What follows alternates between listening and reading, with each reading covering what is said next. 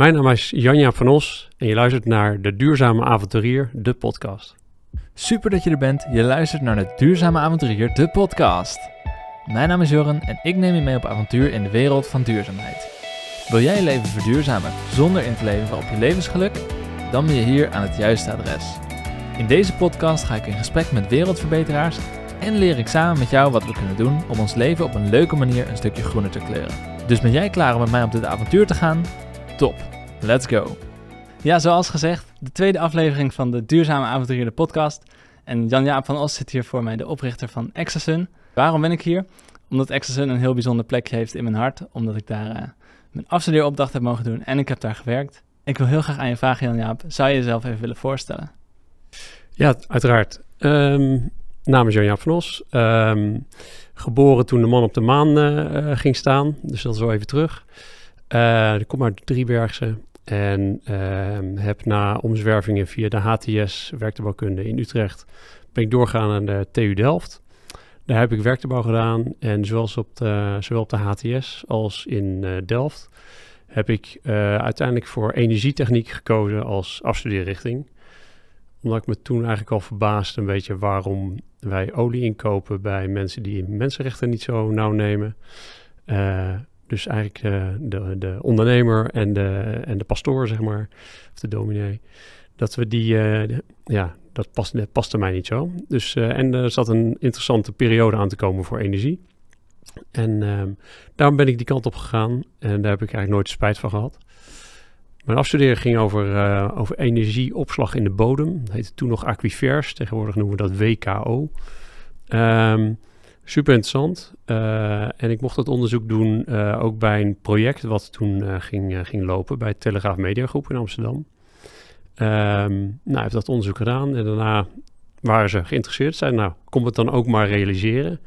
Dus dat was, um, was erg interessant. Gelijk in een groot bouwproject met, met allerlei projectmanagement dingen kunnen leren. Maar vooral ook het idee wat ik had bij het afstuderen om dat dan te realiseren. En vervolgens uh, um, ja, kon ik daar, uh, uh, werd ik daar ja, een soort onderhoudsbaas van, van allerlei technische installaties. Het was een groot bedrijf, heel veel technische installaties. Die de top 200 energieverbruikers in Nederland. En um, met dito installaties. Dus heb ik dat allemaal mogen onderhouden en later ook zelfs ja, allerlei nieuwbouwprojecten kunnen doen met weer nieuwe energieinstallaties, datacenters, weet ik veel wat allemaal. Dus daar is een beetje mijn, mijn hart voor de bouw en uh, in relatie tot de energie uh, uh, echt gaan kloppen. En heb ik alles geleerd in de, in de praktijk, zullen we maar zeggen. Ja. En ehm, op een gegeven moment had ik daar dan wel het gezien, zullen we maar zeggen. Als je in herhaling valt, dan moet je weg. Um, dus toen ben ik voor mezelf begonnen en ben ik meer de energieconsultancy hoek opgegaan. Bij tal van grote bedrijven energieonderzoek kunnen doen naar hoe kun je nou CO2-uitstoot besparen. Um, vaak was dat ver verbazingwekkend eenvoudig. Je ging een gebouw binnen en je loopt naar het gebouwbeheersysteem en je kunt tot 10% energie besparen. Echt met je ogen dicht. Dus de onbekendheid met deze materie uh, mij zo ontzettend. En het geld lag voor het oprapen en, en ook de duurzaamheidsverbeteringen daarmee. En, um, maar ik vond het een eenzaam bestaan. Uh, uh, als consultant bedrijf binnen, rapport schrijven, weg. En ook onbevredigend. Je weet niet wat ermee gedaan wordt. En op een gegeven moment in 2011 ben ik met een, uh, een studiemaat van mij uit Delft... hebben het idee opgevat om een, uh, om een bedrijf te beginnen. Hij had een bepaald idee voor een nieuw type zonnepaneel. En um, nou, daar zijn we mee aan de slag gegaan. dat zag er heel goed uit. Maar na twee jaar kwamen we er eigenlijk achter dat het technisch niet haalbaar was... Uh, het gaat een beetje ver om dat uit te leggen, maar, um, uh, maar toen hadden we inmiddels zoveel geleerd van, uh, van de energiemarkt, van de solar-industrie, dat we wat nieuwe ideeën kregen. En daar is uiteindelijk dan de Exasun uit voortgekomen. Dus, ja, mooi. Ja. Um, dan ga ik eigenlijk toch stiekem heel even terug naar het begin, omdat je zei, als student kwam ik in aanraking met de, de vraag eigenlijk, waarom kopen wij olie in bij mensen die uh, mensenrechten schenden? Ja. Uh, hoe, hoe ben je daarmee in aanraking gekomen? Want daarna is een heel pad, is eigenlijk een duurzaam carrièrepad ontstaan in die richting. Ja. Maar hoe, hoe was dat op dat moment? Ja, ik, um, ik heb op de lagere school, of de middelbare school natuurlijk, met geschiedenis en zo, had je al de Club van Rome en zo. Dat vond ik eigenlijk al intrigerend. En, ehm, maar gewoon in die jaren 80, uh, begin 90, um, ja, was er gewoon veel aan de hand in het Midden-Oosten. Um, veel oorlogen ook. En, uh, en toch bleven wij gewoon uh, tanker na tanker afnemen uit die regio. Nederland was natuurlijk een groot afnemer daar, een groot verwerker uiteindelijk. Niet dat we alles zelf verstoken in onze auto's, maar we speelden een belangrijke rol en spelen nog steeds in die, in die hele keten. En dat heb ik altijd een beetje raar gevonden toen. En dat is een beetje gaan, ja, heeft zich genesteld in me. Ik denk, ja, maar dat moet toch anders kunnen? Je wil eigenlijk, wil je, energie is het belangrijkste van alles voor ons bestaan. Dus um, je wil onafhankelijk zijn van energie. En niet van dit soort dingen. Je wil vrij kunnen spreken uh, tegen dit soort landen. Van uh, dat doen ze normaal met je mensen. En stop eens met de oorlog voeren. En je wilt het zeker al niet gaan financieren, die oorlogen, middels het inkopen van olie. Um, nou, helaas moet ik tegenwoordig wel bekennen dat natuurlijk heel veel zonnepanelen uit China halen. Dus dat eigenlijk tot mijn teleurstelling hetzelfde weer gaande is. Um, nou goed, ik zie wel positieve bewegingen nu de andere kant weer op. Maar daar zullen we, uh, zullen nog wel op terugkomen, denk ik straks. Ja, zeker. Ja. Nou, gelukkig maar. En um, ja, in die tijd, ik was er toen natuurlijk uh, nog niet, nog niet helemaal niet ja. mee bezig. maar had iedereen natuurlijk toen al over, want duurzaamheid is inmiddels gelukkig wel heel erg onder de aandacht. Maar was dat toen ook al zo? Of was het echt nee. iets waarvan je eentje, of ja, je eentje met een groep mensen dacht van, hé, hey, dit is een beetje gek wat er aan de hand is? Ja, het is, niemand was ermee bezig. laten we wel wezen, anders waren we er al lang mee begonnen. Um, en ik was er ook niet mee bezig vanuit die duurzaamheidsperceptie, hoor, moet ik eerlijk zeggen. Um, tenminste, op, op, op school. Um, toen ik uiteindelijk die energieconsultancy ging doen, dat is in 2007 of zo is dat uh, begonnen. Toen speelde al wel meer dat uh, bedrijven moesten bezig met energie besparen. En er waren veel initiatieven op dat vlak. Maar voor die tijd um, speelde mij ook niet zozeer het duurzaamheidsaspect. Uh, was niet de boventoon. Het was meer de, verbazing van de geo geopolitische uh, verhoudingen. Dan, dan dat het echt om de global warming ging. Dat, dat was in de jaren negentig nog niet echt een begrip. Er waren al wel mensen die het door hadden, laat het wel zijn. ja. Maar deze jongen nog niet. Nee, nee precies. Dus dat was echt meer besef van ja, waarom gaan we eigenlijk zo met mensen om? Dit kan niet. Ja, ik vond het, uh, ik vond het raar, ja. ja. Uh, of je zegt gewoon, het is prima hoe jullie met die mensen omgaan. maar, blijf, maar blijf als die olie. Je moet niet uh, met twee maten meten. Dat, dat, dat kon er bij mij niet in. Ja, ja begrijp ik. Oké. Okay. En wat, wat betekent duurzaamheid voor jou? Ja, inmiddels is heel wat anders. Um, en ik moet ook eerlijk zeggen, inmiddels ook weer anders dan toen ik begon met, met Exasun. Um, uh, want toen we begonnen had het gewoon meer te maken met hoe kunnen we nou de CO2-uitstoot um, uh, beperken. Dus hoe kunnen we af van uh, kolie- of gasgestookte energiecentrales. Door meer lokaal op te wekken met zonne-energie, onder andere. Um, dus het was meer daarop geënt. Inmiddels is het begrip voor mij wat breder geworden. met wat meer ook kijken naar scare resources, hè, circulariteit uiteindelijk. Hoe gaan we om met afval in de toekomst? En uh, laten we wel zijn, uh, nou ja, in de kring waar ik uh, me bevind, hadden we het niet over afval van zonnepanelen tien jaar geleden. Dat was helemaal geen issue. Nou, als ik nu even voorreken hoe hoog de zonnepanelen gestapeld worden, als we over vijf jaar, want komt de eerste bubs komt vrij. Dat zijn honderdduizenden tonnen aan zonnepanelen die als afval terugkomen. Ehm, dus dat is wel degelijk een, een groot ding wat nog onvoldoende aandacht heeft. Dus ja, de, de term duurzaamheid is voor mij ook gaandeweg breder geworden. Ja. ja zelfs ook op personele vlak. Ja, dus. Je zou daar wat, wat over willen vertellen, want ik wil je eigenlijk vragen, waarom is duurzaamheid belangrijk voor je? Uh, en je hebt al een stukje genoemd over de mensenrechten. Maar kun je uitleggen hoe dat nu is? Misschien is dat ook wel veranderd. Ja, nou, waarom duurzaamheid? Eh, kijk, die, die hele CO2 in klimaat, eh, dat is, uh, hè, dat, dat, is mij wel duidelijk. En volgens mij is dat iedereen inmiddels wel duidelijk. Um, dat, dat we daar wat mee moeten. En het, het, ja, het is gewoon iets, zoiets groots, wat uiteindelijk toch heel klein gemaakt kan worden. Um, tot, tot bij iedereen thuis in de, in de woonkamer, de thermostaat. Dat merken we nu met die hoge energiekosten. Maar dus het, het is eigenlijk een heel groot begrip waarvan iedereen zoiets heeft van uh, wat moet ik ermee? Uiteindelijk, als je er even over na gaat denken, dan kun je er gewoon een bedrijf mee beginnen. En dan kun je je, je, je share doen. En dat, is, uh, en dat geldt ook voor de mensen thuis. Uh, en dat, ja, dat doe ik thuis ook. Het is nu eigenlijk veel kouder uh, dan, dan de afgelopen jaren is geweest thuis. Dus iedereen doet daar uh, op, op zijn of haar manier zijn best voor. Um, maar dat kan dus op privéniveau, maar dat kan dus ook zakelijk. En wij doen het dan hier door een, door een bedrijf er echt actief mee bezig te zijn. Maar ja, een, een bedrijf hier tegenover, wat met extrusie van kunststoffen bezig is, dat, dat kan ook met duurzaamheid bezig. En ook heel veel impact maken. Zonder dat, dat mensen willen nooit wat inleveren. Mensen willen wel wat doen om te verduurzamen, maar niet iets laten om te verduurzamen. Dat zegt mijn vrouw altijd en heeft ze sowieso 100% gelijk. En dat, dat geldt uiteindelijk ook voor bedrijven. Dus je wil blijven verkopen, je wil blijven produceren. Maar, mensen, maar bedrijven en mensen zijn echt wel bereid om dat op een andere manier te gaan doen. Op een andere manier te gaan communiceren. Uh, hoort het? Consumeren. Um, uh, of te gaan produceren dan, uh, uh, dan dat ze nu doen. En ik vind het gaaf om te zien hoe je als, als klein bedrijf toch best wel wat impact kunt hebben. Dus dat, dat motiveert iedere dag. Ja. ja.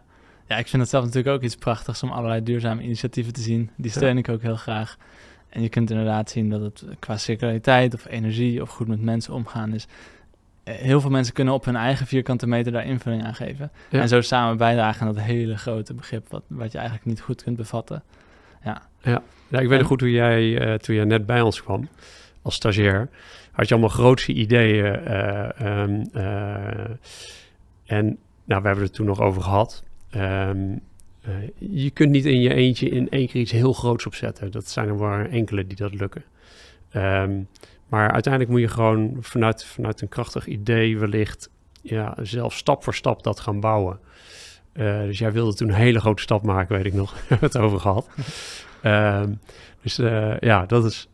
Ja, dat gaat stap voor stap. Maar het is goed als iedereen gewoon bij de, zoals een goed Chinees zegt, de reis begint bij de eerste stap. Uh, zo moet iedereen dat gewoon maar gaan doen. En dan, dan kom je vanzelf verder. Ja. ja. En dan ben ik heel benieuwd naar jouw, jouw visie daarover. Want stel je voor dat we 50 jaar verder zijn of 100 jaar verder. En we hebben het echt goed aangepakt met z'n allen. Uh, iedereen heeft dat soort duurzame initiatieven, die gaat ervoor, die wil ervoor en de politiek is mee. En er, er, spelen geen belangen meer om het niet te doen. Hoe hoop je dan dat de wereld er straks uitziet?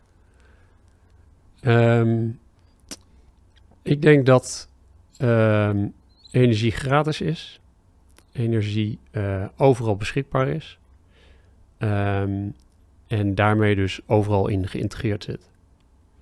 Dus deze microfoon werkt zijn eigen stroom op. Dat is uh, uh, op een voor ons nu nog onbekende manier. Maar dat, uh, dat gaat gewoon gebeuren. Dus die, ik geloof heel erg dus in decentrale opwek van, van energie. Um, zal wellicht nog wat, wat grote plants achter blijven zitten. Misschien met kernfusie of dat soort zaken.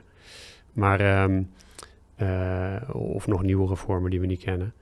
Maar ik denk zeker dat er een, een uh, dat energie heel goedkoop zal worden, maar misschien dus zelfs uh, gratis. En gewoon overal beschikbaar. Dus uh, dat netwerk wat we nu hebben liggen, dat is wellicht nu al prima om de toekomst voldoende voor, voor, voor, de, voor die toekomst. Maar we moeten nog eventjes over die heuvel heen, waar we een netwerk nog heel hard nodig hebben. Dus dat zal nog voorlopig nog uitgebreid moeten worden. Maar tegen die tijd verwacht ik wel, um, ja, denk ik wel dat we die kant op gaan. Ja. ja. En je zegt ook decentrale opwek, dus dat betekent dat er allemaal kleine netwerkjes zullen zijn met een, een lokale manier om dat op te wekken.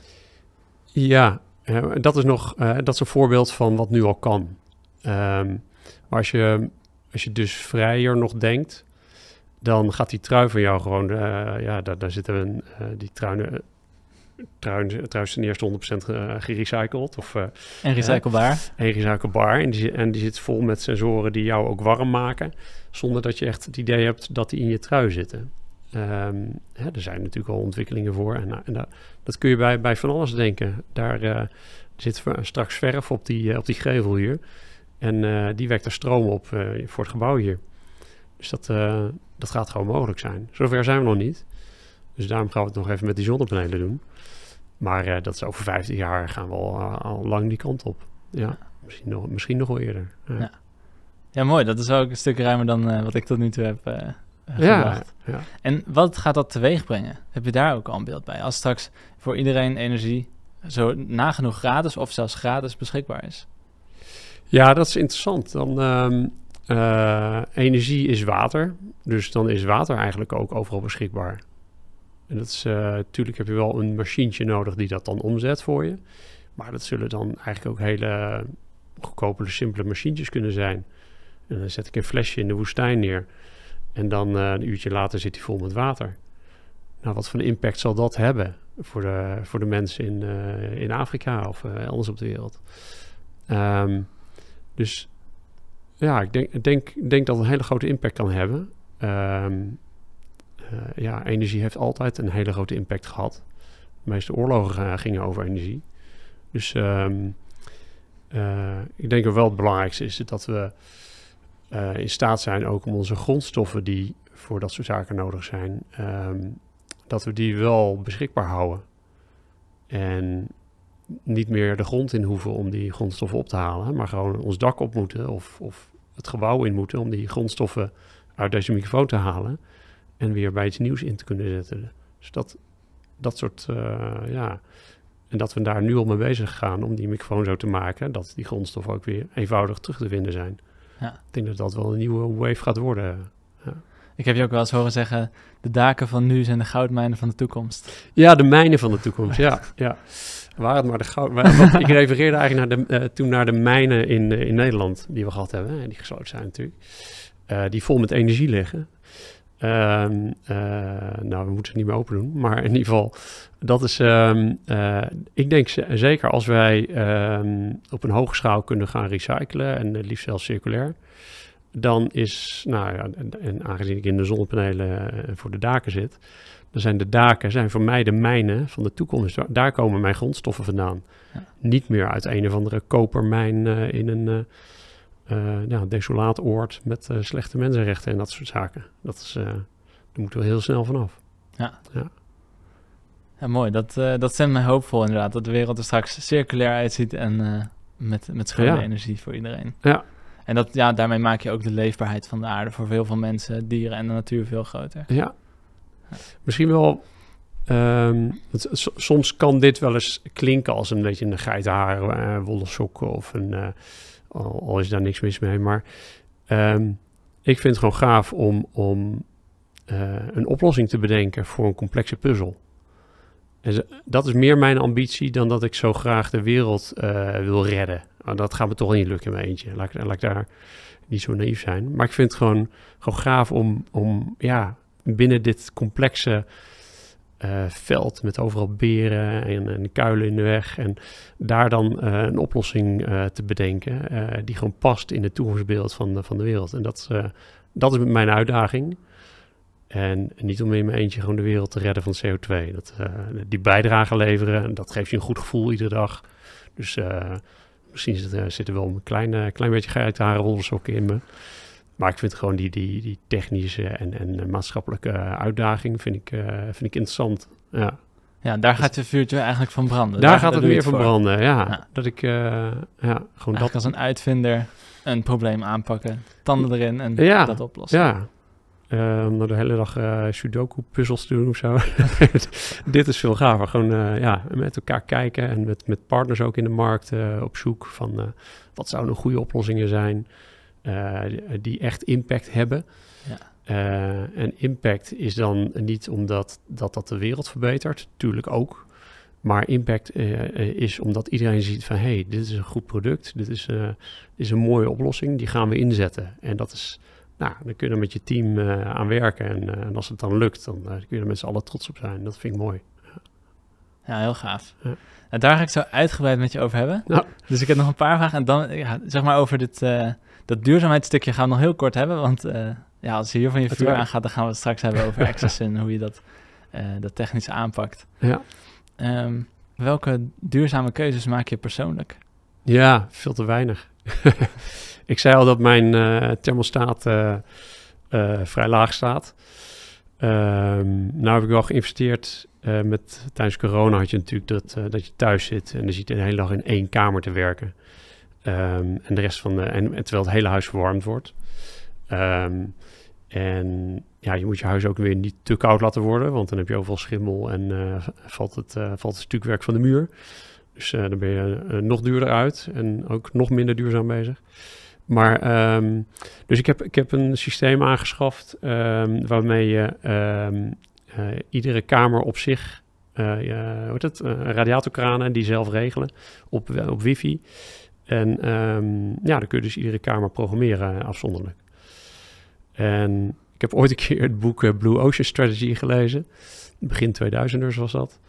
En ehm, ik kreeg zoveel business ideeën. Dus eh, één idee wat ik achter in het boek heb geschreven... waren thermostaatkranen die, die je per ruimte in kon stellen via wifi. En het bestaat gewoon nu. Ik had gewoon mee moeten beginnen toen, maar toen wist ik nog niet zo hoe je moest ondernemen. Dat heb ik meer van die, die vriend van mij geleerd. Maar dat is, ehm, eh, ja, dus, eh, dat is de eerste stap die ik heb gezet. En eh, ik ben nu, nu bezig om een warmtepomp te installeren. Of nou niet, die gaat dan pas na de winter helaas komen. Maar ehm, ja, dus ik heb wel binnen het huis dat al voorbereid. Ehm, mijn ambities zou nog zijn om gewoon op de fiets naar het werk te gaan. Dat is altijd mijn droom geweest om in Amsterdam op het fietsje gewoon naar het werk te kunnen. Maar helaas is Den Haag wat te ver voor, eh, vanuit Amsterdam. eh. en mijn compagnon eh, die woont hier in, in Den Haag. Dus vandaar dat we hier zijn gaan zitten. Dus ehm, ja, dus dat, dat zijn een beetje hoe ik het zelf probeer te doen. Ja. En we proberen gewoon ook niet te veel vlees te eten. Dat eh, ehm, hoeft niet helemaal vegetarisch. We hebben een tijd geprobeerd. Interessant om te kijken wat je dan gaat koken. Dus dat is ook, ook weer een uitdaging. Weer een puzzel. Maar ehm, eh, probeer wel gewoon, ehm, ja, wordt het één of twee keer per, in de week vlees. Maar dan ook gewoon wel goed vlees. Echt, waar haal ik in, in Friesland bij een boer vandaan. Die daar echt zijn koeien nog eh, gras voert. In plaats van soja, wat eh, van de andere kant van de wereld komt. Dus dat, eh, zo probeer ik het op mijn manier te doen, ja. ja. En dan ben je zelf ook wel eens dat tegengekomen dat je eh, liever de dingen iets duurzamer wilt doen, maar het lastig vindt om daar dingen voor te laten. Jazeker, ja. Nee, ik ben ook maar een mens, ja. Ja, ik herken dat zelf ook. Ja. Nee, ik heb daar... ehm, ik had laatst eh, sprak ik eh, iemand die voor Fairphone werkt. En, ehm, en die was net naar Congo gevlogen voor, om daar de uh, kobaltmijnen te bezoeken. Eh, samen met mensen van, eh, van Apple. En, eh, dus ehm, ik zei, joh, vind je het dan niet ook vervelend dat mensen je dan gaan beoordelen dat je met een vliegtuig naar Congo bent gegaan, terwijl je in deze industrie zit? Het lijkt wel alsof je, als je dit soort industrie zit, dat je dan niets meer mag doen wat, eh, wat CO2 uitstoot of zo. Hè? Dat je dan Ja. roomser moet zijn dan de paus. Dus ehm, daar had ik het met haar over. Ehm, en dat, dat is... Het is wel dat je zelf zo in de spiegel aankijkt. eh, van ja, ik moet eigenlijk hier iets mee. Maar, hè, het is, eh, maar dat is niet, helaas niet altijd mogelijk. Dus je doet je best. Maar je moet niet van mensen verwachten dat als ze zich duurzaam inzetten... in een industrie of whatever... ehm, dat ze dan zelf roomser dan de paus opeens gaan worden. Dat is, eh, ja, het zou raar zijn om natuurlijk een eh, vervuilende oude diesel rond te gaan karren. Maar, ehm, eh, maar je moest je niet, niet gaan veroordelen van, zie je wel, je doet het zelf ook niet. En dan schiet er natuurlijk helemaal niks, als we naar elkaar zo gaan zitten wijzen, schiet er helemaal niks meer op. Ja, dus, precies. ja. Dus wat je eigenlijk ook daarmee wilt zeggen is hou de verantwoordelijkheid bij jezelf. En Ja. vooral ook als je denkt iemand anders is duurzaam bezig, die zou niet met het vliegtuig moeten gaan. Blijf, hou die verantwoordelijkheid dan, dan eigenlijk ook bij jezelf. En diegene die doet wat hij kan, ja, precies. dan vanuit. Ja. Ja. We praten wel over. Ik ga binnenkort met een groep vrienden gaan we skiën. En ehm, dat deden we altijd per vliegtuig. En nu hebben we gewoon met de groep besloten, dat gaan we niet meer doen. Klaar. We gaan gewoon, eh, nou, ik zou de trein uitzoeken. Grappig is, als je gaat vliegen naar Genève, was dat 95 euro. En met de trein was dat 350 euro. ja, het is bizar. Dus het is zo niet dat je gemotiveerd wordt om dat te doen. Maar ehm, ja, we gaan, er, eh, we gaan inderdaad niet vliegen, nee. Dat is, eh, Nee, precies. Ja, nee, dat is eh, bij onze vakanties ook wel eens dat we met de trein wilden gaan en dat je gewoon drie, vier keer zo duur uit bent. ja, Ja, dan denk je ook van hè? waar doe ik het voor? ja. Of nou, inderdaad, je wordt niet gemotiveerd om dat te gaan doen voor het geld. Nee, nee. Eh, maar je, je hebt dan dus wel besloten, ik ga niet die vakantie ervoor laten, dat blijven we doen. Ja, Dus dan kies ik maar voor een duurzaam alternatief en neem ik dat, die extra kosten voor lief. Ja, het Ja. is. ehm, dus je, je, je, je laat een deel, zeg maar. Je maakt het jezelf wat moeilijker. En dat geldt natuurlijk met veel, ehm, eh, veel zaken. Eh, als je voor duurzaam kiest, ehm, eh, ja, dan, dan wordt het vaak niet makkelijker. Dus, maar uiteindelijk, je hoeft dan ook weer niet dingen te laten. Het wordt alleen iets, iets moeilijker. Dat is. eh, ja, als jij eh, circulaire kleding wil kopen of zo, dan moet je wat harder je best doen om te zoeken. Dan wil niet zeggen dat je dan niet moet gaan kopen. Dus je hoeft het niet, je hoeft het niet te laten om een nieuwe trui te kopen. Maar zoek er wel eentje op eh, die dan een beetje in dat, in dat rijtje past. Ja. Ja. Heel herkenbaar. Oké, dan de laatste vraag over dit duurzame stukje. Heb je een tip voor mensen die duurzamer willen leven? Eén tip. Eén tip. Oei. Eet minder vlees. Ja, kijk gewoon naar de, st- eh, stads- eh, kijk naar de cijfers. Wat eh, de uitstoot op de, op de aarde. Kijk, vliegen, dat, daar zijn mensen zich al van bewust. Maar ik denk, stop niet met vlees eten. Dat is, sterker nog, er is een onderzoek van Wageningen geweest. Dat zegt, joh, eh, voor de, zowel voor de aarde als voor de mensheid, voor mensen, zou het goed zijn om 100 tot 200 gram vlees per week te eten. Dat vond ik wel interessant. En Oh, daar ben ik wel benieuwd naar. ja, die, eh, die is twee jaar geleden of zo was dat een keer op de radio. Ik heb het niet nagelezen, moet ik eerlijk zeggen. Maar ehm, ja, ik, ik vind ook niet dat je, dat je 100% hoeft te stoppen. Maar stel dat mensen de, de helft van de keren geen, eten, geen, geen vlees zouden, zouden eten. Eh, dat heeft wel zoveel impact. Dus ehm, dat is beter dan, eh, weet ik veel, je, je adapter uit je uit, stopcontact te halen als je gaat slapen of zo. Ja, dat moet je om brandveiligheidsredenen doen, maar niet, eh, niet om energie te besparen of zo. Dat, eh, Dus dat is geen zoden aan de CO2 dijk. Dat zet absoluut geen zoden. Nee, dan moet je eerder je motor uitzetten als de slagbomen omlaag zijn. dan heb je het over een jaar, heb je die hele adapter alweer goed gemaakt. Dus Ja. dat soort... dat was een oude advertentie van de... in, in Engeland heeft hij een keer... pagina groot, haal je adapter uit het stopcontact als je telefoon is opgeladen. Toen ze dat een keertje nagerekend. Er bleek eh, gelijk te, staan aan 6 seconden je motor laten lopen voor een slagboom. eh, eh, Oké, ja. Ja, dus Ja. ja, je moet alles wel een beetje in zijn context, in verhouding zien. Ja. ja. Dus ook om het leven leuk te houden.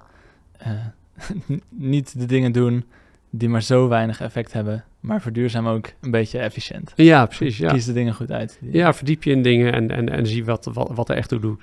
Ja. Dus, eh, en vlees is een eh, low-hanging fruit, eh, om maar in die termen te blijven. Ja. En hoe zit dat met, met zonnepanelen? Is dat low-hanging fruit?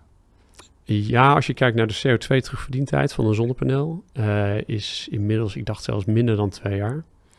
Ehm, dus ja, het is low-hanging fruit.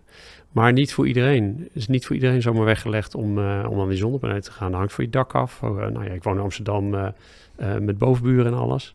Dus je moet er met een VVE weer uit zien te komen. Dus er zijn wel heel veel obstakels. Maar het is, ja, financieel is het vaak voor mensen een no-brainer. Ehm, en als je het geld niet hebt liggen, er zijn er leningen bij de gemeente. eh, tegen hele lage eh, groenpercentages. Ehm, eh, waardoor je het alsnog kunt doen. Dus dat je besparing gelijk om kunt zetten, gelijk kunt realiseren. Dus dat is, ehm, eh, dat is, dat is wel een low-hanging eh, fruit voor zonnepanelen, ja. ja. En dan wil ik nu door naar waar, we eigenlijk net eh, gestopt zijn toen je hele Ja. studietijd had beschreven en dat je toen met een, een studiegenoot samen Exasun hebt opgericht. En dan wil ik je eigenlijk vragen, wat is Exasun? Wat is de missie? En wat doen jullie? Nou, wat ik al zei, we hadden ons al verdiept in, in een ander bedrijf hiervoor, wat technisch helaas niet, niet ging lukken. Ehm, maar toen hadden we toch wel, we hebben toen een pop-up store gehad, om eens te kijken wat, wat leeft er nou bij, bij mensen als het gaat om eh, zonnepanelen. Hier in uh, Oud-Rijswijk hebben we drie maanden winkeltje gehad. En iedere zaterdag heb ik daar gestaan, uh, dat was de markt ook. En door de week stond ik of een, of een collega of zo. Um, maar ja, gingen we zonnepanelen verkopen. En, um, maar niet om die zonnepanelen te verkopen, maar gewoon om te leren wat zijn nou de reacties van mensen. Waar lopen je nou bij verschillende daken tegenaan? En um, het was heel grappig dat, dat we hadden expres vijf heel erg verschillende zonnepanelen gekozen. Esthetisch verschillend, technisch verschillend, prijsklasse verschillend. uh, en grappig was dat uh, Manlief kwam binnen met, met uh, soms al twintig offertes onder de arm. En uh, nu, nu, nu ga ik het jullie wel even vertellen hoe het werkt met zonnepanelen. Dus, um, en die had het zich technisch helemaal verdiept. En die kwam even natuurlijk prijs onderhandelen. En vrouw lief was mee en die zegt, ja, maar die lelijke krengen, die wil ik niet op mijn dak. En uiteindelijk, iedereen kocht bij ons hetzelfde paneel. Dat was een volledig zwart zonnepaneel van SunPower uit, uit Amerika. Mooie IBC-cellen erin. En um, dat was bevestiging eigenlijk van mensen, uh, als mensen, als je ze goed informeert over kwaliteit, uh, esthetiek hoef je niet over te informeren, maar dat, dat, dat uh, kwam vanzelf als het, als het echt het product zagen. Want vaak hadden ze het alleen maar op een websiteje gezien. Maar als je het echt in de handen hebt en je vertelt over de kwalitatieve verschillen die er toen waren tussen die panelen. Uh, zijn nog steeds natuurlijk. maar um, dan kiezen mensen toch wel, als ze tijd hebben voor het kwaliteitsverhaal, kiezen ze voor kwaliteit. Um, want het prijsverschil hoeft niet zo groot te zijn. Um, dus dat is eigenlijk het begin geweest ook van ExoSun. Dat we dachten, als je energie goedkoper wil maken, uh, zonne-energie goedkoper, dan kun je het product heel goedkoop willen maken. Maar handiger is om te zorgen dat het product twee keer zo lang meegaat. Uh, en die esthetische barrières waren toen achtergekomen uh, en verdere kwaliteitsverhalen. En toen hebben we het product ontwikkeld, een standaard groot zonnepaneel toen nog, met glas aan voor- en achterzijde. Um, met zogenaamde back-contact cellen erin. Uh, dat ziet er allemaal steeds wat mooier uit. Het paneel was volledig zwart. En dat hebben we in 2015 hebben we dat gepresenteerd op de Solar Solutions beurs. en um, met 30 jaar productgarantie erop. En dat konden we ook bewijzen. Um, hebben we toen een innovatie award meegewonnen. En um, dachten, nou, dat is, dat gaaf. En Etje Nijpels kwam natuurlijk uitreiken. En uh, die hield een heel verhaal over windmolens. Hij zei, hallo, je bent hier op, een zonne, de zonnebeurs van Nederland. En, uh, uh, maar goed, dat, dat, speelde toen nog, nog zo weinig zonne-energie in Nederland. Dus dat was voor ons eigenlijk de start. En toen dachten we, oké, nu, nu moeten we dus een productielijn echt neer gaan zetten. Want we hadden toen een soort R&D-productielijntje. Er kwamen zes panelen per dag vanaf, dat, als we ons best deden. Um, dus toen toen zijn we verder gegaan, maar toen dachten we, ja, de markt is nog heel jong. De zonnepanelenmarkt in Europa, of überhaupt op de wereld, is pas denk ik in 2007, 2008 een beetje ontstaan. Toen in Duitsland de energiewende kwam. Uh, toen was daar heel veel vraag naar zonnepanelen. werden ook in Duitsland veel gemaakt. Toen zijn de Chinezen erin gestapt. Toen kreeg je echt een opschaal-effect. Ging de prijs ook voor omlaag. Ehm, nou, die periode zijn wij een beetje begonnen. Nou dacht ja, het is nog zo'n jonge markt. Laten we nou voorzichtig zijn en niet gelijk uh, fors investeren in de productielijn. En laten we het uh, een, beetje, een beetje rustig groeien. Uh, dat is wel wijs geweest. Een paar jaar, of een paar jaar, ik denk al een jaar later kwamen we erachter dat die daken in Nederland eigenlijk helemaal niet geschikt zijn voor die grote zonnepanelen. Dus we dachten, die moeten kleiner, want dan kun je er meer op je dak kwijt. Want zo'n dak is nooit een recht vlak. Het is altijd een dakkapel of een ramen, schoorsteen. Dus um, uh, ja, passen kleine paneeltjes makkelijker omheen. Dus kun je veel meer van je dak halen. En toen was ook al snel de move natuurlijk van, nou laten we dan die pannen weghalen. En, uh, want glas is glas, dat is ook waterdicht. Dus um, laten we dan dak geïntegreerde zonnepanelen maken. Nadeel daarvan is dat die duurder zijn, uh, omdat ze kleiner zijn. En uh, zeg, nou, de enige manier om dat op te lossen is te zorgen dat ze gewoon heel snel en eenvoudig te installeren zijn. Uh, dus daar een systeem voor ontwikkeld, X-Roof. En um, ja, dat, dat hebben we toen in 2016 al op de markt gebracht. Um, en er was eigenlijk wel direct een schot in de roos. Er was best wel een hoop, hoop vraag naar. En we hebben het product, product behoorlijk kunnen verbeteren sindsdien. Uh, dat je echt een totaal dak kunt maken, zoals die foto hier achter mij. Van die hele moeilijke daken kun je gewoon in één keer gewoon een totaal energy roof van maken, zullen zeggen. Of solar roof. Dat, ja, zo zijn we extra zo'n eigenlijk gestart met, met ja, het mooier maken van zonnepanelen, het langere levensduur geven en daarmee dus goedkopere energieprijs uh, maken.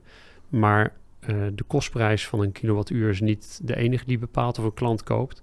Want je hebt ook nog de bouw. En zodra je in dak gaat zitten, heb je veel met de bouw te maken. Uh, en voor de, bouw, voor de bouw maken die energiekosten niet zoveel uit. Dat, dan gaat het weer om de stichtingskosten. Dus dan moet, moet het snel te installeren zijn, donkeyproof. Um, dat soort aspecten spelen weer een rol. Uh, dus daar hebben we hard aan gewerkt. En uh, ja, daar is dat product uit voortgekomen. Ja, dus, ja, we filmen dit, dus mensen kunnen het ook zien. Ja. Dit ziet er heel anders uit dan de inderdaad grote zonnepanelen die we ook wel veel op daken zien liggen. Kun je ja. voor de luisteraar heel kort uitleggen wat het verschil is tussen die panelen en indakpanelen? Ja, het is, um, het is gewoon functie-integratie. Ehm, ja, en dan zou ik moeten stoppen. Maar dat betekent dus eigenlijk dat je eh, met één hetzelfde ding eh, eh, twee functies bedient. Dat betekent kostenbesparing, ma- materiaalbesparing, arbeidskostenbesparing. Ehm, nou, en dat, dat is dus eigenlijk eh, wat we doen met dit paneel. We vervangen de dakpan, Ehm, eh, creëren een waterdicht eh, dak, maar ook op een dusdanige manier dat het goed blijft ventileren. Dat is nog wel eens het probleem bij andere indaksystemen. Dat het heel warm achter wordt, maar dat, dat gebeurt bij ons niet. Dus het paneel blijft goed gekoeld en nog belangrijker, het dak blijft goed geventileerd en dat het niet gaat rotten. Ehm, eh, ja, en we hebben het zo gemaakt dat, dat je op één dag ook een dak af kunt maken. Eh, Ik heb in de bouw gemerkt dat tekeningen, eh, nou zo is het bedoeld, maar zo wordt het niet altijd precies gebouwd. Dus dan heb je opeens eh, een centimeter over. Of ik heb laatst een keer een bouw gehad waar, waar er gewoon een halve meter woning over was. Verkeerd ingemeten. Dus, ehm, eh, en dan is het heel vervelend als het, als het allemaal niet past en je moet ter plaatse weer gaan herontwerpen. En met ons systeem hebben we paspanelen die verzaagbaar zijn, op maat te maken zijn op het werk. Dus je kunt ieder hoekje, gaatje kun je gewoon eh, eh, dan met de paspanelen, die zijn niet actief, maar kun je wel een, het volledige dak uiteindelijk waterdicht eh, maken en het, project ook diezelfde dag gewoon afmaken. Dus dat scheelt ontzettend in de, in de bouwlogistiek en de complexiteit van, van het systeem. En een van de grootste verdiensten vind ik van het systeem ook is dat je hebt maar vier onderdelen. En dan kun je iedere dag mee maken wat je wil. Dus dat, ik hou heel erg van IKEA. Ik vind het altijd heel mooi, nou zelf niet om te hebben, maar wel hoe ze het principe van een heel eenvoudige montage ehm, om, om iets in elkaar te krijgen. En het is met ons systeem gelukt om op één A4'tje gewoon volledige installatie van ieder dak te kunnen weergeven. Ja. Met, met simpele plaatjes. Dus ehm, ja, dat, dat toont aan dat je een goed ontwerp uiteindelijk hebt. Ja, top. Ja. Ik eh, ben heel benieuwd, eh, want daarnet had je het erover. Eh, je zei van toen wij studenten waren, toen hebben wij een pop-up store geopend. En zijn we gewoon zonnepanelen gaan verkopen. Je had er een stuk of vijf liggen, waarvan mensen telkens eentje kochten. Ja, dus hij is toen we, eh, toen we ehm, niet toen we studenten waren, maar toen we Exasum begonnen. Oké, ja. Ja, dus in 2015 denk ik, of zo. Ja. Zijn we, we wilden gewoon die markt beter begrijpen. Ja, Ja, en dan moet je het gewoon, gewoon doen. Dus Ja. eh, we hebben ook die panelen zelf ook nog geïnstalleerd met installateurs erbij die er verstand van hadden. Ja. En toen al liep ik tegen de vraag aan bij mensen die, eh, de early adapters, die hadden al zonnepanelen liggen. Oude Shell Solar of zo, eh, panelen of uh, Kyocera of zo. En die mensen zeiden, ja, die zonnepanelen doen het nog wel, maar ja, ze leveren zo weinig nog op. Dus daarom willen we nieuwe zonnepanelen. En ehm, toen vond ik het al jammer als zonde om ze weg te gooien. Dus toen heb ik bij die mensen aangeboden, joh, we, gooien ze wel even naar, naar het noordelijke deel van het dak. Dan doen ze wat minder, hè, dan doen je een hoogvermogen opbrengst eh, aan de voorkant. Maar dan draai je deze toch nog een beetje mee. Dus Ja. dan beter dan weggooien. Dus, eh, dus dat speelde eigenlijk toen al, eh, als ik eh, nu even terugdenk. ja. En toen kwam je er dus achter, mensen die willen een goede prijs, maar ook goede kwaliteit. Ja. En later kwam je erachter, ja, zoals we het nu doen met deze panelen, dan kun je niet het volledige oppervlak van het dak benutten. Ja. Dus die moeten kleinere panelen worden en Ja. van goede kwaliteit en moeten er mooi uitzien. Ja. En zo is eigenlijk Exasun de producten ontstaan. Ja, zo, zo is het ontstaan. En ehm, eh, twee nerds bij elkaar, Michiel en ik, bedenken dan een naam EXA. Dat is eh 10 tot de macht 18. Dat is, dus hoeveel fotonen er dan geloof ik per dag of zo, hebben we het ooit een keer opgezocht, eh, de aarde bereiken. Ehm, dus ja, zo is die eh, ontstaan, EXA-Sun. Maar ehm, eh, ja, zo, zo zijn we begonnen. Gewoon, je moet het ook gedaan hebben om het te begrijpen, om een mooie kruivenkreet te noemen. Maar ehm, eh, dat, dat gold hier ook. Daarom die pop-up store, daarom zelf installeren, veel bij projecten kijken, veel naar beurzen gaan, kijken hoe zitten andere panelen in elkaar. En vooral niet denken dat je van achter je bureau een eh, goed product kunt ontwikkelen. Dat is, eh, Nee, dat doe je in het veld. we hebben de eerste jaren hebben we ook een heel goed netwerk van premium installateurs gehad. Ik heb ze altijd verteld, joh, eh, hou die complimenten voor je, maar vertel me vooral wat ik niet goed doe. En als je moet je een paar keer herhalen. vaak willen mensen dat niet zeggen, tenzij het echt verknald hebt. En dat hebben we serieus ook vaak genoeg hoor. Vrij, eh, alles ging niet direct van, eh, vanaf een leien dakkie. Maar ehm, eh, ja, het is gewoon belangrijk om open te staan voor die feedback. Dan, dan kun je iets verbeteren. En voor wie is dit bedoeld, dit product van Exasun? Ja, we hebben in het begin hebben we naar dit soort uh, particulieren natuurlijk gekeken. Want je gaat niet als klein bedrijfje, als startend bedrijfje, de grote corporates beleveren. Ehm, dus we hebben begin gefocust om samen te werken met installateurs die het dan bij particulieren kunnen doen. Um, maar al snel, vrij snel waren we erachter dat ja, dit is een bouwproduct. Uh, we zijn vanaf 2017 geloof ik, toen hebben we iemand aangenomen met bouwkundeachtergrond. Terwijl voor die tijd allemaal hele briljante geesten van, van TU Delft of, van, of natuurkunde of zo uh, van Amsterdam. mensen met, met, met, met solar opleidingen. Um, toen zijn we begonnen met mensen van bouwkunde, want we dachten ja, eigenlijk zijn het gewoon bouw producten met stekkers, bouwmaterialen met stekkers, dat leveren we. Dus zijn we op een hele andere manier gaan denken over ons product. En uh, nou, je, je ontkomt er niet aan om eerst bij particulieren te beginnen, bij kleine projectjes. En 2007, eind 2017 hadden we het eerste project bij Jans en de Jong, uh, grote aannemer. Uh, 85 renovatiewoningen, nul op de meter woningen. En um, er moest één woning per dag gedaan worden. En er kwam dan ons X-Roof dak op. En daar hebben we denk ik heel veel van geleerd ook. Um, dus dat, ja, dat, dat maakte dat ons bewust werden, ja, dit is gewoon, we, zijn, we zijn er voor de bouw, voor de aannemer.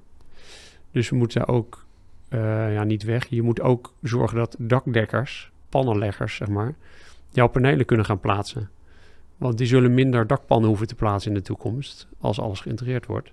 Dus je gaat op zoek naar een uh, aanvullend werk. Dus het moet ook wel zo simpel worden um, ja, dat een dakdekker het uh, kan gaan plaatsen. Dus we zijn toen heel hard achter uh, partijen als, als Heijmans, Dura en de BAM aangegaan. Um, Jans Jongens eerste project en met de BAM hebben we toen hier in Delft een groot project gedaan. En zo ging het langzaam, langzaamaan steeds, steeds beter lopen bij die grote aannemers. Veel gesprekken over kwaliteit en laten blijken dat je echt wel hebt nagedacht over je product. En toen, uh, toen is dat echt gaan lopen. Hebben we ook nog één project met de BAM gedaan bij, uh, in Amsterdam, bij ABN AMRO. Dat was het circulair paviljoen. Uh, dat was voor mij ook wel een gamechanger. Um, want dat is een, een circulair paviljoen. Dus um, en daar werden vragen gesteld waar ik nooit over na had gedacht. Is van, ja, uh, hoe duurzaam is jouw product nou? Hè? In, hoe circulair is je product? Waar komen je materialen vandaan? Um, wat gebeurt daar met mensenrechten? En als het product uh, over zoveel jaar niet meer nodig is, nemen jullie product dan terug? Dus dacht ik, ja, hey, dat zijn ook wel terechte vragen. Dus um, dat was het mooie van dat project. En um, ja, toen, toen, hebben we dat in onze productontwikkeling ook verder meegenomen. Wat onderzoeken met TNO zijn we opgestart op dat vlak. En uh, uiteraard ook naar onze supply chain gekeken. Um, en dat, dat zit nog steeds in het bedrijf nu. Dat is daar eigenlijk getriggerd bij dat project. En we hebben gaandeweg ja, flink met, met steeds meer met grote aannemers projecten gedaan. En in 2019 kwam uh, een bedrijf uit Oostenrijk uh, aankloppen. En dat bedrijf, een bedrijf heet Wienerberger.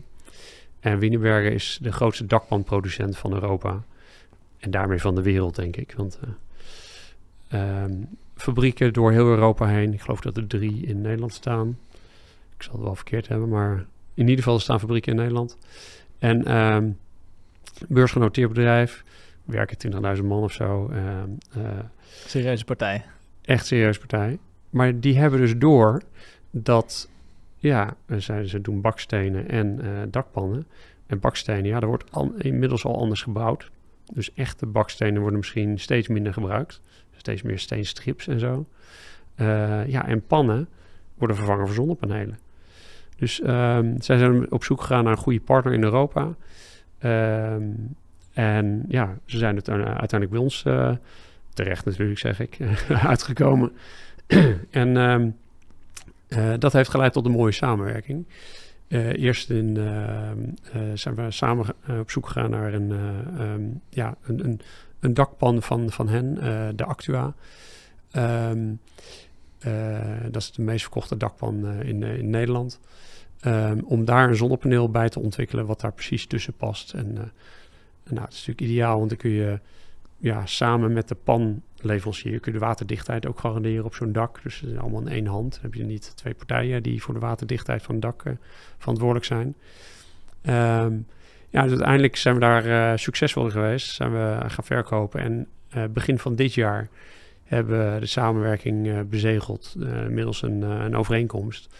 Dat Wienerberger onze beide producten door heel Europa, 33 landen in Europa, verkoopt. op exclusieve basis. En wij ook exclusief aan hen daarom leveren. Met allemaal commitments over en weer natuurlijk. En um, ja, dat, dat is wel een grote doorbraak. Uh, wij deden al wat projecten nog uh, in de beginfase. Of we hebben de eerste projecten met, met een Heijmans en, en Dura. Um, maar die vinden natuurlijk veel fijner ook als, als ze dat bij een Wienerberger kunnen betrekken. Dat is in plaats van zo'n klein partijtje uit Den Haag. We zijn nu met 50 man, maar ten opzichte van 20.000 bij Wienerberger. en een bedrijf wat al 200 jaar bestaat is dat toch wel een ander risicoprofiel. Dus ik snap donders goed uh, dat het fijn is. En nu, nu breidt het zich steeds, steeds sneller uit. Dus uh, met ballast en nou ja, al die andere grote aannemers in Nederland en ook daarbuiten. Dus dat is, um, ja, dat vind ik heel leuk te zien. Over, we hadden het helemaal in het begin over de impact. Nou, het is gewoon gaaf als, als, als je met, met, met je team zoiets kunt bedenken. En, en het vindt zijn weg uiteindelijk door heel Europa heen. Ja, en dat we in Amerika al naast, naast de Tesla rooftaal als alternatief genoemd worden. Nou, dat, uh, dat kietelt natuurlijk ook. ze kriebelt ook om daarheen te gaan. maar laten we eerst maar even zorgen dat we met de Wienerberger goed staan in Europa. Leading product zijn. En ja, die opportunity hebben we gewoon. Dus dat ja. is... Ja. En Wienerberger heeft ook de middelen om daarna dat nog uit te breiden. Ja, zeker, zeker. Ja. ja ze hebben natuurlijk 400 verkopers uh, in Europa. Ja, die bakstenen en zo uh, en, en dakpannen doen. Maar um, ja, die zitten al, al overal bij die grote aannemers binnen. Doen ze al zaken mee. Dus een, een, uitbreiding van het productportfolio ligt veel meer dan, voor de hand... dan dat ik iedere keer moet aanbellen om een keer een praatje te komen houden... over uh, ja. Extrasun en wat voor leuk product we hebben. Dat kost veel meer effort natuurlijk. ja. ja. Dus dat begon echt als één stapje en nog een klein stapje, nog een klein stapje. Is ja. inmiddels wel heel erg groot geworden. Ja, nou, wordt het, we zijn er nog niet. Dus, uh, maar uh, we, ja, we groeien gestaag. En ik, denk, ik denk dat de wind goed in de rug hebben nu. En de juiste partners hebben gevonden. Wiedenberg is een fijne partij om mee samen te werken. Die zitten goed, zitten goed in, de, um, nou, in, de, in, de, in de business. Maar die, die, ik vind ook dat ze zich heel sterk ontwikkelen in de zin van wat gaat er nu gebeuren en hoe moet ons eigen bedrijf, ondanks dat het zo'n heel groot bedrijf is, die maken natuurlijk wel producten die nou, over 50 jaar een heel stuk minder afgenomen zullen worden. Dus hoe ze zich daarin ontwikkelen, uh, vind ik knap. Hè, ik vertelde, ik heb bij het Telegraaf Media op een groep gezeten. Nou, die hadden behoorlijk wat moeite met, met die uh, internetopkomst. Uh, wat een bedreiging voor de krant was. Uh, en dat hebben ze ook niet gered. Binnen 15 jaar waren ze, zijn ze van de beurs gehaald en verkocht aan een, Belgische investeerder.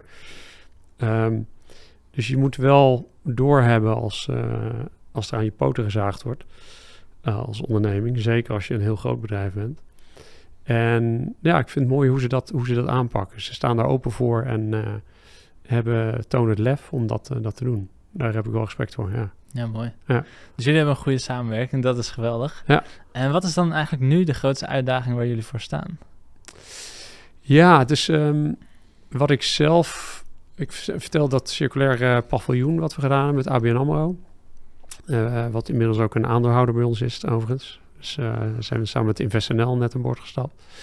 Maar um, het circulair paviljoen opende mijn ogen op het gebied van, van afval en circulariteit. En tot die tijd waren we wel bezig geweest met uh, de giftige stoffen die in zonnepanelen zitten. Zoals lood uh, en PFAS, wat we uit het paneel hebben gehaald. Maar we waren nog niet zo bezig met wat doe je nou end of life. En daar zijn we sindsdien hard mee bezig. We schrijven, as we speak, aan een derde onderzoeksvoorstel samen met de TNO. Um, om te werken aan een, uiteindelijk te komen tot een zonnepaneel wat einde levensduur gewoon hier weer teruggeleverd kan worden. En wat dan op componentniveau uit elkaar gehaald kan worden.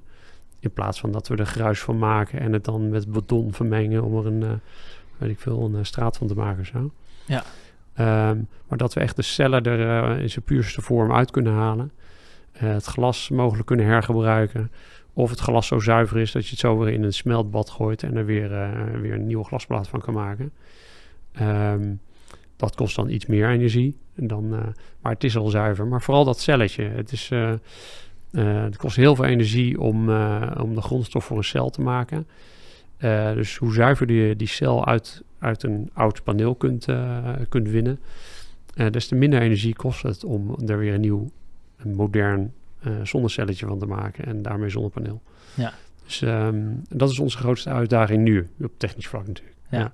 Dan ben ik natuurlijk benieuwd hoe dat er nu voor staat en wat er nog moet gebeuren om dat uh, waar te maken. Ja, nou terecht vraag. Het is, um, uh, ik zei, dit is het derde onderzoek. We hebben één onderzoek gedaan. Um, en dat is in 2018, meen ik, 19 is dat afgerond. En dat was al behoorlijk succesvol. Uh, het is ons gelukt om het paneel zo uit elkaar te halen. Um, toen zijn we het volgende, het vervolg daarop gegaan om het nog verder te optimaliseren. Ehm, maar goed, helaas kwam corona er tussendoor. En is dat ja, toch wel om die reden uh, als een mislukt project te beschouwen. Hè, er zitten nou eenmaal producten uh, of materialen bij die een, eh, die een houdbaarheid hebben. En als door corona die dingen dan maanden ergens op de plank liggen, ja, dan, dan, dan strand je onderzoek en op een gegeven moment is de tijd voorbij. Dus dat was jammer. En we hebben er wel van geleerd. Maar uh, niet dat uit, willen, uit kunnen halen wat we, wat we hadden gewild. Um, dus uh, nu schrijven we het vervolg. En uh, ik hoop dat binnenkort, uh, ik verwacht eigenlijk wel dat dat goedgekeurd wordt. En dan, dan kunnen we aan de slag. Ja, en daar moet echt de, de technologie en de procestechnologie uit, materiaal en procestechnologie uitkomen om dit paneel te maken. En ik verwacht wel dat we daar, uh, nou daar hebben we al goede ideeën voor, dus ik verwacht wel dat we daar uh, vrij snel kunnen zijn. En mijn ambitie is ook om dan over een paar jaar dat product dus echt in de markt te gaan zetten. Ja, dus ja. uh, een echt circulair zonnepaneel. Heel gaaf. Ja. ja. ja. Dat sluit ook heel goed aan bij waar we het in het begin over hadden. Dat is onderdeel van, het, ja. van de circulaire wereld. Ja, ja inderdaad. Ja. Als je met de kennis die je nu hebt in het, in het ondernemen, dit hele stuk, als je... Um, als je daar nu naar kijkt, is er iets wat je anders zou doen? Is er één ding wat je anders zou doen dan je hebt gedaan? Ja. Um, een van de, uh, van de moeilijkste dingen. Kijk, het, het, als techneut vind je, het, vind makkelijk om over techniek te praten, uh, oplossingen te bedenken. Um, een beetje commerciële techneut, ik heb dat toch wel een beetje in me. Uh, die gaat dan ook nog wel snuffelen in de markt. Maar waar is nou echt behoefte aan? Welke problemen los ik nou op voor een klant? Dat is allemaal goed te doen. Uiteindelijk hoe je zo'n product gaat maken, uh, dat is ook weer techniek. Dat, dat lukt ook nog wel. Maar uiteindelijk uh, het financiële stuk van, van ondernemen, zeker als je het over productie hebt, ja, dan, dan moet je geld gaan, gaan werven om een productielijn te kunnen kopen. En het waren niet uh, de makkelijkste uh, periodes, zullen we zeggen, om, uh, om funding te krijgen. Om een, ondanks dat iedereen zag, ja, je hebt een prijzige ronde, een mooi product. Het is een enorme groeimarkt. En toch ehm, zijn veel investeerders de hele tijd afgehaakt op, ehm, ja, op het puntje van het te groot risico, te grote bedragen voor zo'n klein, klein startend bedrijf. Dus dan had ik liever misschien de, de software ingegaan. Dan kun je gewoon je product gaandeweg uitbreiden. Hè? Kun je functionaliteiten toevoegen. Maar bij een zonnepaneel, je hebt het product of je hebt het niet. Je kunt het produceren of je kunt het niet produceren. En daar is gewoon een, uh, gewoon een som geld voor nodig om dat te kunnen. Dus er zit geen gradualiteit, als dat een Nederlands woord is, in, in de ontwikkeling van zoiets. En dat maakt het lastig financierbaar.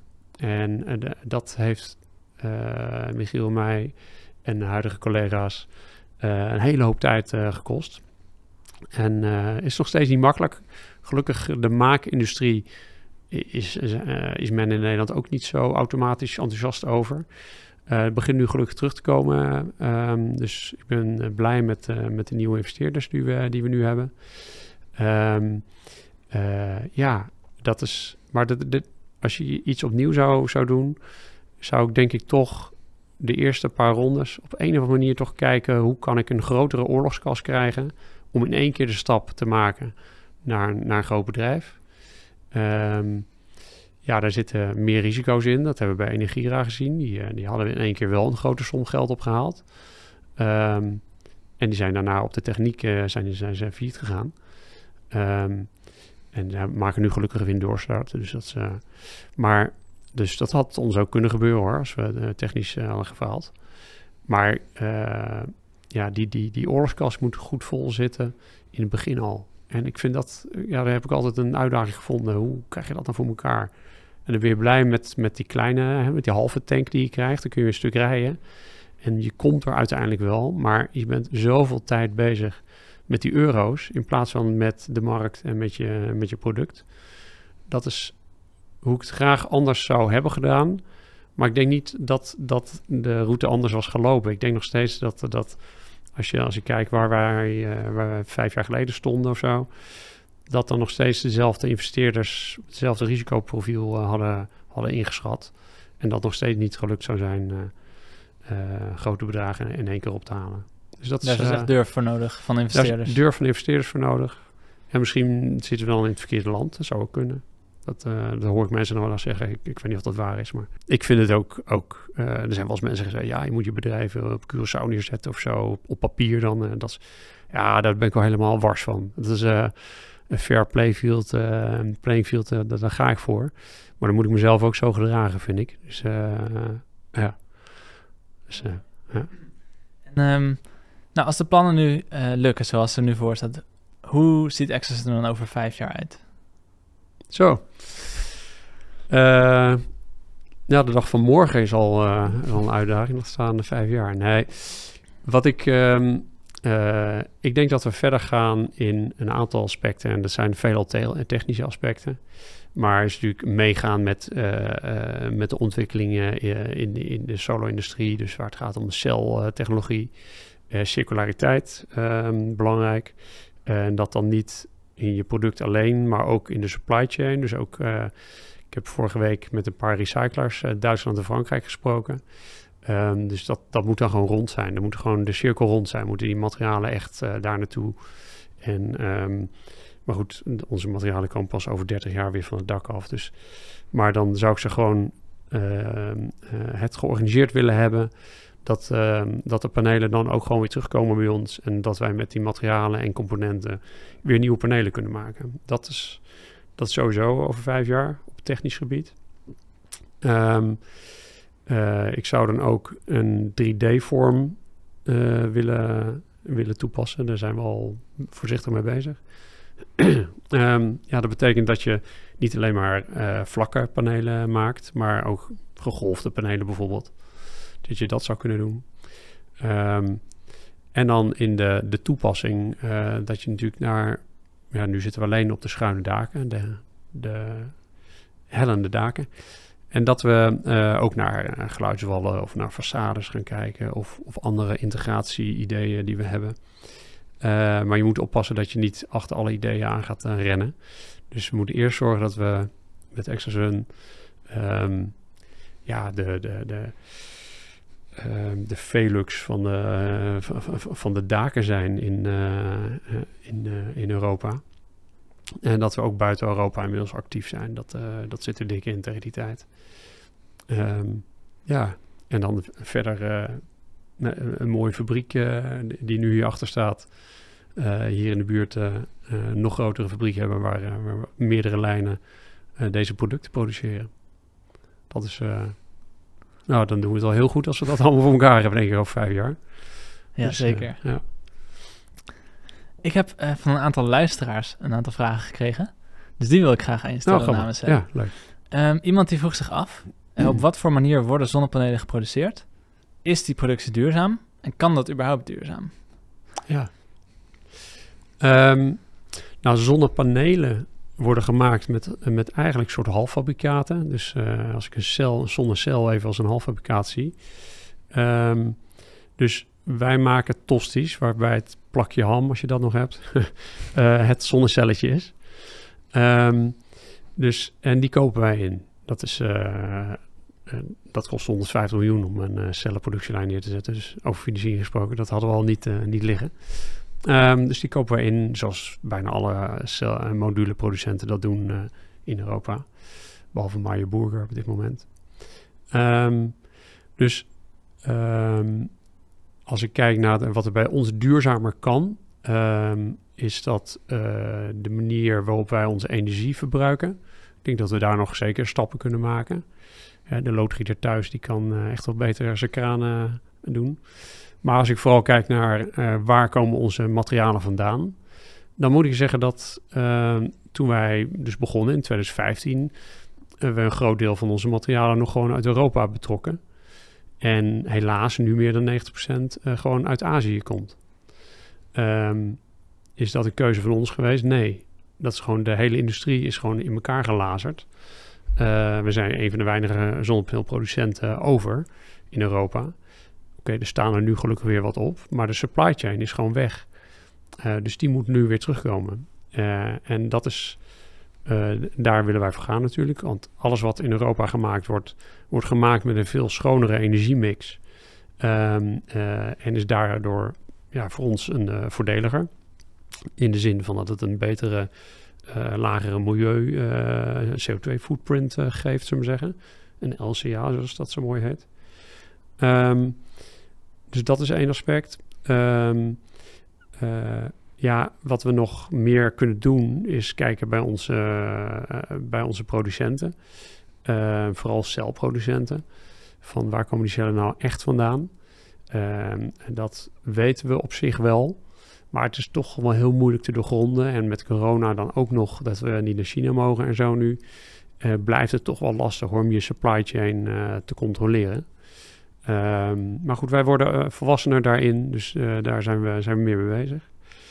Um, maar wat, wat de ambitie sowieso is, is om binnen nu in drie jaar over te stappen op heterojunctiecellen. Um, en dus een ander cel, celprincipe. En die, er zijn wat initiatieven in Europa om die, om die te gaan produceren. En dan kan ik eindelijk cellen uit Europa kopen. Ja, en dan, dan ben ik heel blij, kan ik je vertellen. Dan, dat is lang verwacht. Dat is, ja, dat, is, dat was er heel vroeger. zelfs in Nederland stond er ooit een cel, cellenproductielijn. Maar dan kun je echt mooie, hoge efficiëntie zonnecellen uh, in, in Europa, misschien zelfs in Nederland uh, kopen. Um, ja, met, met een, nog een hogere efficiëntie, met heterojunctie. Dus, ja. dat is, uh, dus tot die tijd ruilen we eigenlijk vervuilende productie daar voor schone energie hier. Ja. Maar op een gegeven moment, over een aantal jaar, is dat gelukkig ook in Europa en kunnen we daar die cellen vandaan halen. Ja. En dan kun je het eigenlijk van lokale grondstoffen kun je dit maken. Ja, we hebben, we hebben altijd gekeken naar lokale producenten. Ja, dat is gewoon uh, ze zijn allemaal omgevallen. We, we haalden glas bij Ducat vandaan uit België. Dichterbij kun je niet krijgen. En uh, die maakte echt mooie producten. Maar ja, helaas failliet. Dus um, uh, ja, dan moet je weer doorschakelen. En dan, dan blijft er niet zo gek veel meer over. Hetzelfde encapsulant. Dat is nu een paar maanden geleden. Encapsulant is die lijmlaag die in een paneel zit. Die alles bij elkaar houdt. Um, de producent daarvan die heeft zijn productie naar, naar China overgeheveld. Dus dat was een van de laatste, denk ik, ja, dan halen we nog wel wat dingen uit Europa. Maar ja. Dus die keten die heeft nog een aantal jaar nodig om weer hierheen te komen. Ja, ik verwacht echt wel dat hij de komende vijf jaar weer opnieuw opgebouwd wordt. Ja.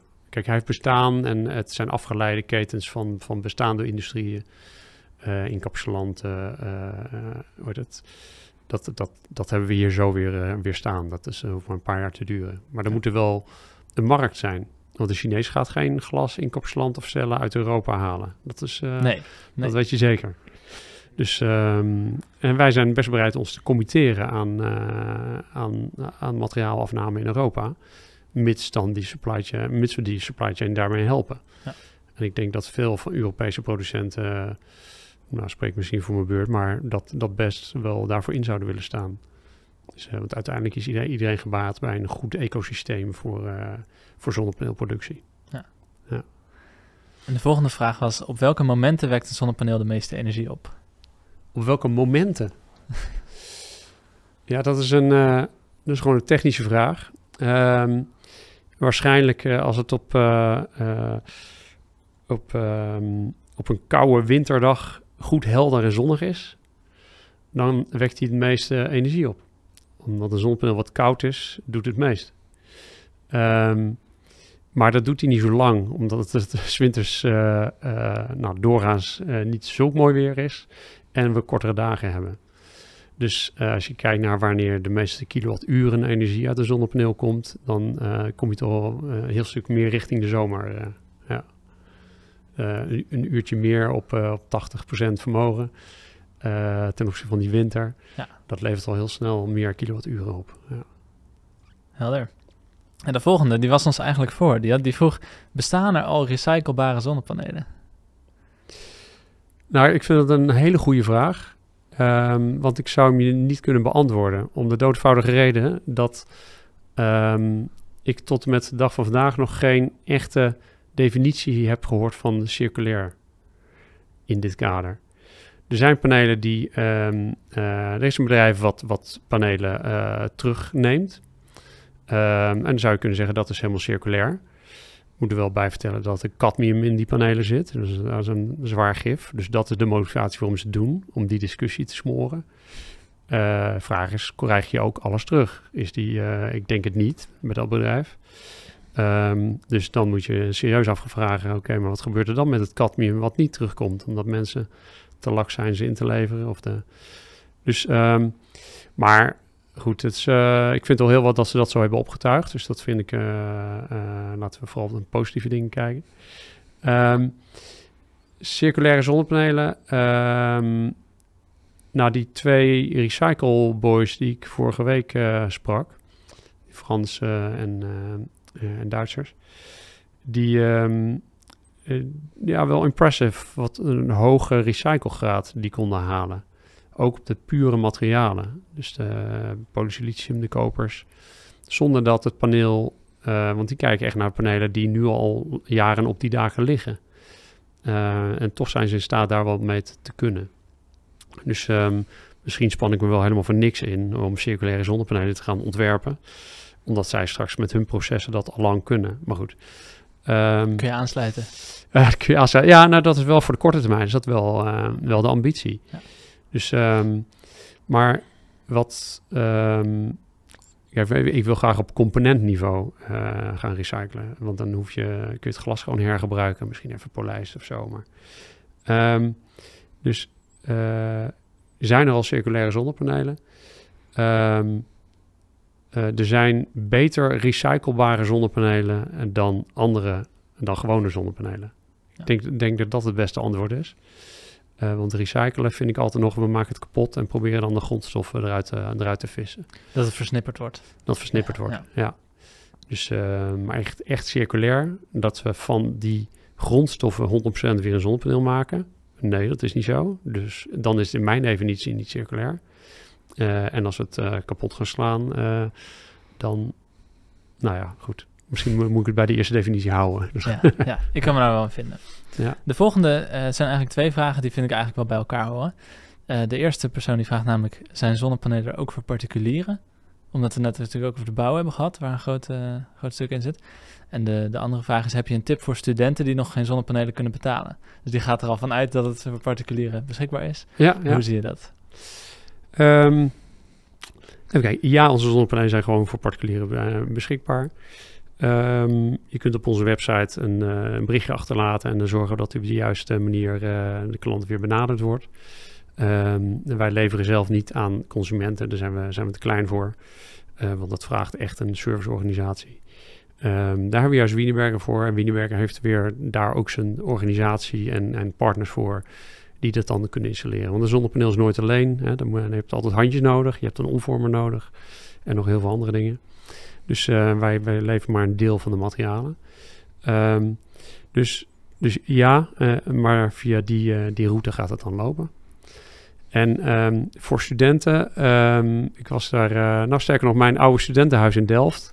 Daar hebben we afgelopen mei onze zonnepanelen op het dak in, gebruik genomen. Met een klein vriesje erbij. Dus het was, het was heel mooi. maar voor studenten uh, als, uh, als daarbij hoort dat de kostprijs niet te hoog mag zijn. Een student is vaak geen eigenaar van het vastgoed. En dan ligt het niet zo voor de hand om je dakpannen te gaan vervangen voor zonnepanelen. Want dat zou meer de vastgoedeigenaar uh, doen, of de huurbaas. Um, maar als je het op je dak wil, dan zou je daar met je huurbaas nog wel over kunnen praten. En als dan prijs een rol speelt, dan zou je kunnen overwegen om bijvoorbeeld naar tweedehands zonnepanelen te gaan. Daar ontstaat toch steeds meer ook een, um, heel, nou, steeds meer voorzichtig begint daar iets te ontstaan.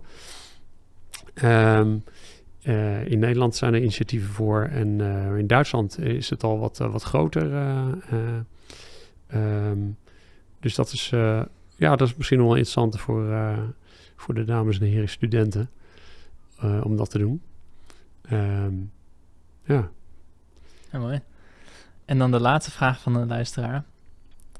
Wat te doen met een overbelast energienetwerk? Hoe moeten we dat vorm gaan geven in de toekomst? Ja. ja. Regeren is vooruitzien. Um, 2012 zat ik in een congres met uh, Dura. Uh, die hadden dat mooi georganiseerd. En het ging dus over de uh, stroomversnelling. En toen kwamen ook de netbedrijven kwamen langs. En toen riepen wij met z'n allen: jongens, kijk uit, die netten die kunnen dit straks niet aan. Al die lokale opwek van energie. En um, nou, jammer om te zien dat daar eigenlijk helemaal niks mee gedaan is. Dat is um, goed, dat is terugkijkend. Um, ik heb geen verstand van netwerken, laat ik dat, uh, dat voorop stellen. Ik lees af en toe eens wat. Uh, ik denk dat als wij onze huizen meer autarkisch maken, dus dat je uh, ook met accu's gaat werken, dat dat meer, als dat meer gestimuleerd zou worden, dan, dan hebben we eigenlijk niet zoveel met het netwerk te maken. De, de problemen met de netwerken die je vaak hoort, die zitten eigenlijk ook veel meer in die grote parken. En dat is in één keer dat er een, dat een paar megawatt aangesloten moet worden. Dus dat, dat, uh, dat snap ik wel dat dat opeens fors is. En die parken liggen ook altijd natuurlijk in een gebied waar er weinig netwerk ligt. Want daar is veel ruimte, uh, al die weilanden en dan ja, nergens in de buurt een kabel. Um, dus, dus ik snap wel dat, dat die problemen er zijn. Uh, dat zou je ook op kunnen lossen, dus door grootschalige energieopslag te doen. Er zijn echt hele gave, uh, kijk maar eens op YouTube, energieopslag of batterijtechnologie. Er komen echt hele mooie grootschalige technologieën tegen. Die echt voor het hele lage kostprijs al stroom kunnen opslaan. Sterker nog, in, in Israël is er net een heel groot park geopend. inclusief opslag van energie. voor 6 cent per kilowattuur. Oftewel altijd beschikbare energie voor 6 cent per kilowattuur. Ze hebben iets meer zonlicht daar, dat klopt. Maar uh, dus toch nog steeds, uh, uh, hoe heet het, 30% goedkoper dan de kerncentrale. Maar um, zonder dat ik daar tegen ben of zo, maar dat is een ander punt. Um, ja, dus ik, denk storage, echt wel lokale storage, steeds meer een punt begint te worden. Je kunt natuurlijk thermische en elektrische storage uiteindelijk gaan combineren met elkaar. Daar moeten gewoon slimme microgrids voor, voor huizen. Of local grids voor, voor woonwijken. Ik denk dat je die kant op moet gaan, uh, inderdaad. Dus, uh. ja. ja, mooi. En dat waren de luisteraarsvragen. Is er nog een vraag wat jou betreft die ik je had moeten stellen, maar die ik je niet heb gevraagd? Iets wat, wat jij graag kwijt wilt? Nou, als je naar, naar de toekomst kijkt van, van zonne-energie, um, überhaupt van energie op de wereld, dan zie je dat in uh, dat uh, de onderzoeksbureaus en zo, uh, de IEA, ehm, die hebben het over dat in 2050 ongeveer zo'n 70% van de energie op de wereld uit zonne-energie moet komen. 70, 70% van de energie uit zonne-energie. Um, grappig is, als we nu naar vandaag de dag kijkt, dan is uh, 1 terawatt uh, aan zonnepanelen is geïnstalleerd sinds 1915 of zo, zullen we zeggen. Dus um, uh, in 2025 tot, uh, tot 2030 ergens zullen we per jaar ongeveer 1 terawatt per jaar gaan installeren. Moet je nagaan hoe, wat een, wat een, wat een Wat we in 100 jaar hebben gedaan, moeten we straks elk jaar doen. Ja, precies. Ja. Uh, voor de, uh, al, in de nabije toekomst. En daarna is het meerdere terawatts per jaar die we die moeten gaan doen om op, op die 70% uiteindelijk uit te komen. Dat is een, een groeicurve van je welste. Um, dat, is, dat is een interessant gegeven waar ik nog niet zoveel mensen over hoor. Hoe gaan we dat in Gronings doen? Uh, met dit soort kleine bedrijfjes. Of, uh, hè? Dus er moet veel meer productie komen van, uh, van zonne-energie. Maar ook de andere componenten. En dus ook de handjes om dit allemaal te gaan doen. Dus dat is, um, ja, het moet echt een majeure industrie worden. Um, dus dat, dat is één. Um, je moet je dan denk ik ook wel afvragen, uh, als we het over uh, global warming hebben, waar komt al die energie vandaan om die zonnepanelen te maken en al die andere facetten te maken? En als je kijkt naar hoeveel CO2 we er met z'n allen nog mogen uitstoten om de Parijsakkoorden te halen, dan zie je dat het eigenlijk uh, voor een groot deel opgaat aan het produceren van die zonnepanelen om die CO2 niet meer uit te kunnen stoten. Um, dat is een catch-22. Daar, daar, kom je niet uit. Dat is, um, dus uh, ik zei net al iets over kernenergie. Um, uh, ik ben eigenlijk principieel tegen kernenergie. Ik vind dat het probleem bij een toekomstige generatie neerleggen. Dat vind ik niet zo netjes. Maar dit aspect uh, maakt wel dat ik onlangs wel, wel van standpunt ben gewijzigd dat ik kernenergie zie als een uh, als een transitiemiddel. Je moet vooral over 50 jaar weer stoppen met kernenergie. Nou, dat is, uh, dan is de levensduur van die dingen ook wel voorbij. En dan zitten we gewoon weer volledig op duurzame bronnen. Of misschien iets wat we nog niet bedacht hebben nu. Maar, ja. Ehm, maar dat is wel een aspect ehm, dat ik niet zoveel hoor in de media. we gaan het gewoon niet redden qua CO2-budget wat er is om die energietransitie uh, voor elkaar te boksen met z'n allen. Dus er moet of CO2 opgeslagen worden in grote hoeveelheden ergens. Wat ik ook niet zo'n veilig uh, idee vind, maar goed, je moet iets. Of we moeten die, die anderhalve graad loslaten van Parijs. Nou, dat is ook, ook geen dat goede gedachte. nee. nee. Dus, dus the worst of all, of de, de, minst slechte van, van, van die paar, is denk ik dan toch kernenergie al, al, al vind ik dat de discussie over kernenergie ontzettend afleidt van, de, van het echte probleem. En dat is dat we zo, zo snel mogelijk moeten verduurzamen. Want het kan nog steeds veel harder dan dat we nu doen. Dus um, ja, dat zou eigenlijk mijn oproep aan, uh, aan, aan zelfs partijen als GroenLinks en zo uh, zijn. Uh, van als je energietransitie voor elkaar wil krijgen, heb je kernenergie nodig. En dat past niet zo in het partijprogramma. En um, uh, ja, ik heb ook nog wel op die partij gestemd in het verleden hoor. Dus de, uh, ik bedoel het opbouwend. De, je, je, moet toch kiezen voor, voor het minst kwade om dit voor elkaar te krijgen. En dan zul je toch hierin mee moeten. Mits het dus niet afleidt van de werkelijke gat in de dijk die gedicht moet worden. Het moet faciliterend zijn aan de energietransitie. Zo moet je het dan ook brengen. En niet als oplossing voor de energietransitie. Dus uh, de, de, een structurele oplossing van de energie. Want dat, dat mag het in mijn ogen nooit worden. Ja. Absoluut, ja. Nou, daar kan ik me helemaal in vinden. mooi, dat je dat, uh, mooi dat je dat noemt. Dankjewel. Daar heb ik ook nog nooit over nagedacht. En je hoort inderdaad vaak van, ja, we hebben meer energie nodig. Dan zetten we maar kernenergie daarvoor in. Ja. Maar het is eigenlijk, die energie is nodig om ervoor te zorgen... dat we straks schone energie kunnen hebben met z'n allen. En genoeg. Precies, precies. Ja, heel mooi. Mooie, mooie toevoeging. Ja, super. Nou, ik wil je graag on the spot zetten. Dat is, uh, oh, je krijgt twintig uh, gemene tegenstellingen van mij. Oei. En dan moet je er eentje van kiezen. En je mag er eigenlijk niet over nadenken. Het eerste wat in je opkomt moet je noemen.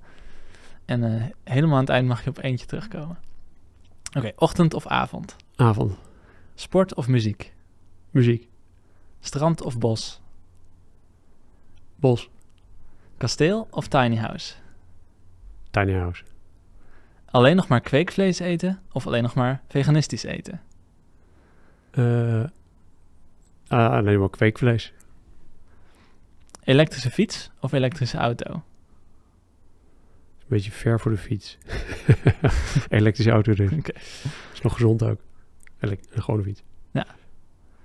Biologische groenten die verpakt zijn in plastic of niet-biologische groenten zonder plastic? Oei, dat is een moeilijke.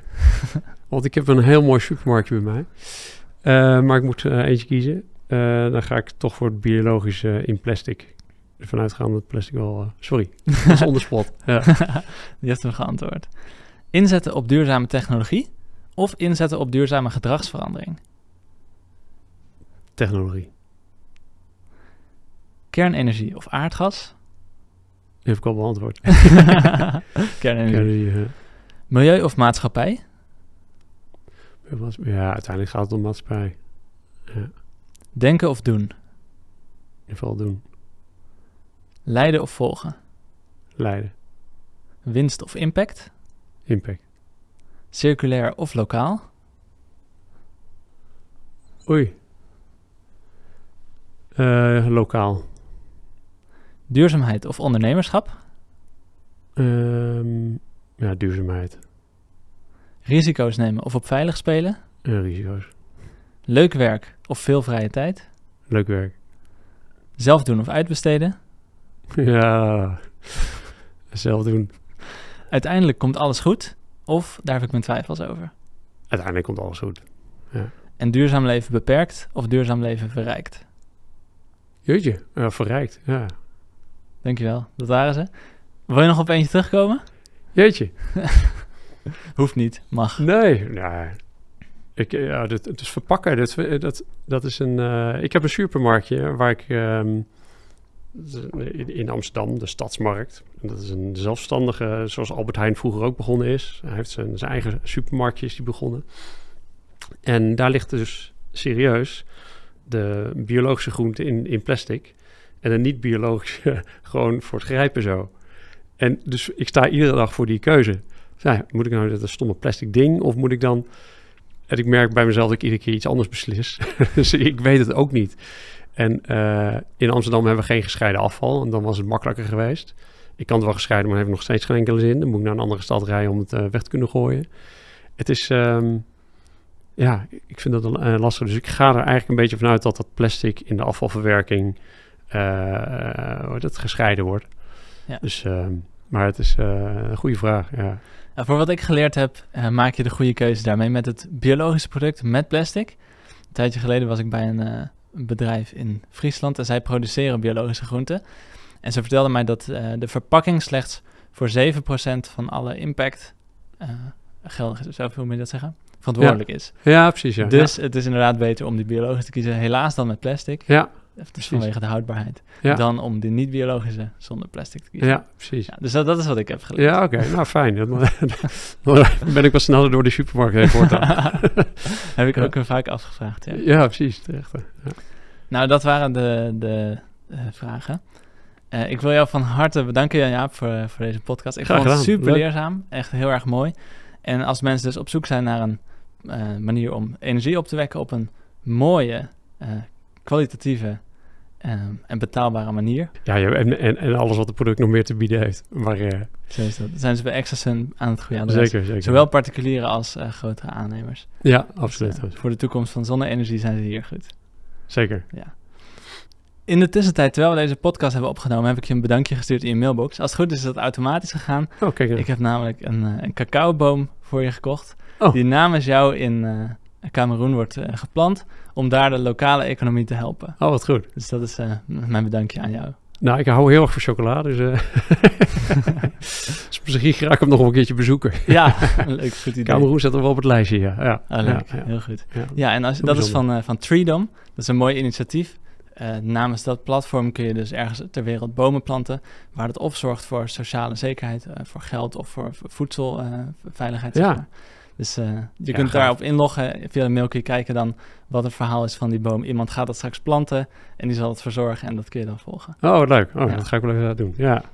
Ja, zo veel van dit soort mooie initiatieven zijn er, hoor. Ja. Dus, eh, Dus dit is Treedom. Dat is geen Ja. sponsor, maar dat wil ik eh, wel, eh, wel noemen. ja, leuk. En de sponsor is eh, Studio Future Focus. Dat is mijn eigen videoproductiebedrijf. Daarmee maken wij eh, promotievideo's voor ondernemers exclusief met een duurzame of sociale missie. Daarvan kan ik deze apparatuur gebruiken, dus dat is heel fijn. Oh, wat goed. Ja. Dus eh, ja, mensen die eh, ondernemen of mensen kennen met een duurzame missie, stuur die vooral naar ons. ja, zal ik doen. En ja, nogmaals, super bedankt. Ik vond het echt fantastisch om dit met je te doen. En ik wil je vragen, ehm, de volgende gast wordt een, eh, een duurzaam interieurontwerper. Dus die weet er alles van hoe je je huis op een duurzame manier kan inrichten, of winkels zelfs. Ja. En ik vroeg me af, heb jij een vraag aan hem? Oei. Ehm, nou, wat ik bij- bij, bij inrichten... ehm, kijk, ik, ik zit... Chinezen produceren op grote schaal, massaproductie, één product. En je hebt ook zonnepaneelproducenten die uh, uh, enkelstuks maken voor, voor gevels of zo. Dan is ieder paneel is een ander formaat of is net weer anders. En wij hebben gekozen om daartussenin te zitten. Series, dus grote series voor één bepaalde toepassing. Omdat je dan op, op een goed kostenniveau kunt zitten en toch, um, en, toch een bepaalde niche kunt aanspreken. Um, ik stel me zo voor bij inrichten dat, um, dat het echt customer made is. Maar hoe kun je nou op customer made toch voldoende volume krijgen om echt een impact te hebben? Want één project wat een keer impact heeft is natuurlijk hartstikke leuk. Maar hoe zorg je nou dat, dat, um, dat daar een voldoende multiple in zit en snel genoeg gaat, al die projecten, om een goede impact uh, te realiseren? Dus uh, hoe kom je van de, serie, van de enkelstuks af naar echt wat meer seriematig inrichtingsmodellen en concepten? En hoe krijg je die versnelling daarin? Hele goede vraag. Ja, ik, ik, hoop, ik denk dat hij die kan beantwoorden. Die ga ik aan hem stellen. Leuk. Oké, uh, nou dan wil ik zo de podcast gaan afsluiten. Uh, en dan wil ik jou het allerlaatste woord geven. Heb je misschien nog een slotboodschap voor Duurzaam Nederland? Oei. Gewoon doen.